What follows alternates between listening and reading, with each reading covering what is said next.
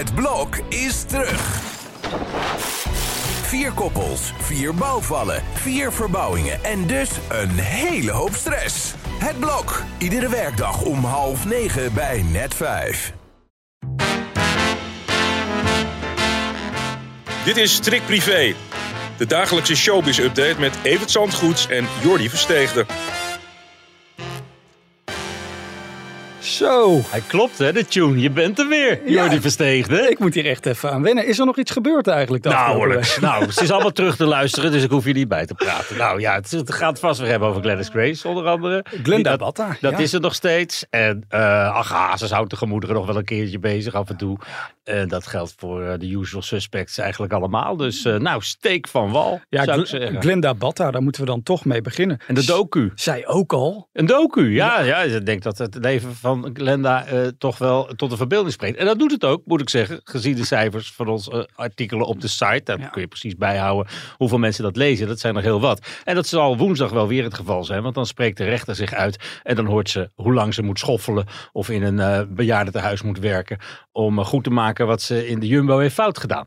En ja, ze is bereid volgens mij om daaraan te beginnen. Ze zal ook niet anders kunnen. Maar ik denk dat ze een beetje aan haar imago kan werken. Door, ja, door dat zonder al te veel problemen te doen. En dan dat maar als eh, op, de koop, op de koop toe te Ja, nemen. Maar precies, ga werken denk ik dan. Maar een documentaire maken begint een beetje een, een, een goed excuus te worden. Liel Kleine schijnt ook bezig te zijn met een documentaire. Ja, het is de manier om, om je verhaal te vertellen en dat helemaal in eigen hand te houden natuurlijk. Dus ik weet nog niet of er een professionele documentairemaker zover eh, te krijgen is dat hij daaraan mee gaat werken. Ze doet het nu in eigen beheer en zegt ook al vijf jaar bezig te zijn met de opname. Nou, dat zal met een telefoon geweest zijn. Dat zie ik nog niet 1, 2, 3 goed genoeg zijn voor het, eh, voor het witte doek.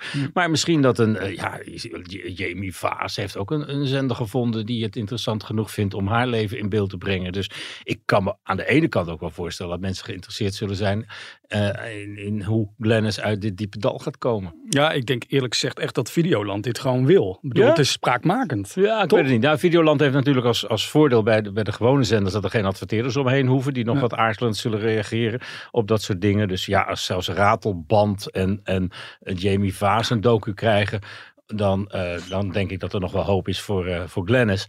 En eh, ja, op een gegeven moment is het ook klaar. Als die straf erop zit, dan moeten we ook niet meer zeuren, volgens mij, met z'n allen. Ja, je kan je verhaal doen in een documentaire, maar je kan ook bij Boerderij van Dorst gaan zitten. Hè? Dat doet Nou, Whalen. dat is ook therapie in het openbaar Ja. geworden. Hè? Dat, die mensen zitten die worteltjes uit de grond te trekken en ondertussen hun hele ziel en zaligheid Ja. eh, bloot. Dat is, eh, dat is echt ook een nieuwe therapie. Maar het is, is er wel heel succesvol mee. En ze krijgt toch mensen aan het praten. Want Whalen, daar weten we allemaal van, dat hij nee gezegd heeft tegen een paar programma's wel. Omdat hij daar eh, niet om die affaire met eh, andere vrouwen dan Bibi heen zou kunnen.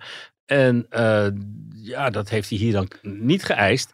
En ja, dan gaat hij toch ook wel heel erg met de billen bloot, moet ik zeggen, over zijn Met erectieproblemen. de billen, ja. ja. Ja. Nou, inderdaad. Hij legde gisteren eindelijk uit wat hij nou bedoelde met die demonen. Nou, oké, weet je wat? Fuck it. Door het leven, door wat dan ook, door weet ik veel wat, zijn er blokkades in mijn hoofd gekomen die ervoor gezorgd hebben dat beneden gauw niet meer lekker werkte. Je, je, je Ja, lul. precies dat, weet je wel? Ja? Weet je hoe fucked up dat is? Maar, maar is dit nou een slap excuus? Of Ja, al de grappen die zijn te maken natuurlijk. Het is, eh, ja, het- ik, ik heb wel eens tegenover iemand gezeten die het een intimiteitsvacuum noemde. Dat Oh ja. moest ik al eh, eh, zo doen. Maar dat je gewoon eh, vreemd gaat omdat je thuis geen prikkels meer krijgt. En denkt van nou ga ik het toch eh, op een andere manier dan met een blauw pilletje eens wat aan doen. Dat, ik weet niet hoe dat gevallen is thuis. Want ja, als je dan verder niks wil zeggen, maar dit wel. Nou, dat zijn rare keuzes. Het zijn keuzes die ik niet kan volgen. Maar ik neem toch aan dat zij hier vooraf overleg over gehad hebben. Dat, dat, dat Welen daar niet zomaar kon zitten. weet het niet of dat nou echt gebeurt op het moment in dat weiland. Of dat, eh, ja, in ieder geval wat hem heeft bezield om dit te gaan vertellen. Dat is weer de volgende vraag als hij weer aan tafel zit bij een talkshow, denk ik. Maar Het is een openlijke biecht die hier en daar wel voor smuikt gelach eh, zorgt, geloof ik. Nou, ik denk net als bij Glennis, weet je, Welen, ga gewoon weer werken, ga muziek maken, heb het hier niet meer over, want Ja. het wordt alleen maar pijnlijker En hierdoor. zeker als het toch niet werkt, heb je daar tijd zat voor. Precies, precies.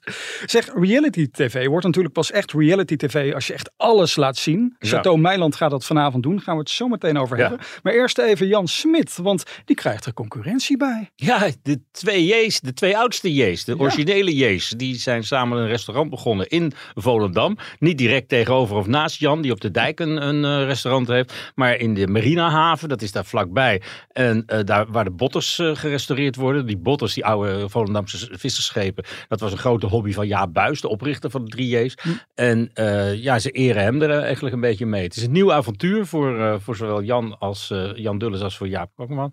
En die hebben handen ineengeslagen. Hoewel ze zeggen dat ze een huwelijk hebben, dat ze soms niet met elkaar en niet zonder elkaar kunnen, hebben ze de activiteiten toch nog uitgebreid. Dus ik kan wel zeggen dat Volendam er een toeristische attractie bij heeft. Maar even advocaat van de duivel, is het ook niet zo dat de 3J's tegenwoordig niet zo heel veel meer doen en dat ze dit erbij nodig hebben om extra geld te verdienen? Of? Nee, want het zit in een stichting. Het is eigenlijk zonder winstoogmerk. Maar het is, eh, ze eren Jaap ermee, aan wie Ja. ze natuurlijk wel heel veel te danken hebben. En de drie J's die zijn eh, aan het voorbereiden op een spectaculair album wat ze in Los Angeles op gaan nemen. Dus eh, nee, dat is nog lang niet voorbij. En in het land zijn zij heel succesvol. Hè, hoor. Hebben ze echt een grote schare fans die, waar ze ook optreden, altijd wel komt opdagen. Ja, ze kunnen U2 echt fantastisch nadoen. Hè? Dat is Maar echt. Jan is een van de beste zangers van Nederland. Ja. Vergis je daar niet in. En eh, ja, ik, ik vind hem bovendien hartstikke sympathiek. En, en, en hij neemt niet alleen de telefoon op als het goed gaat met de 3J's, maar ook als er grote problemen zijn. En dat valt de prijs in zo iemand. Daar houden wij van.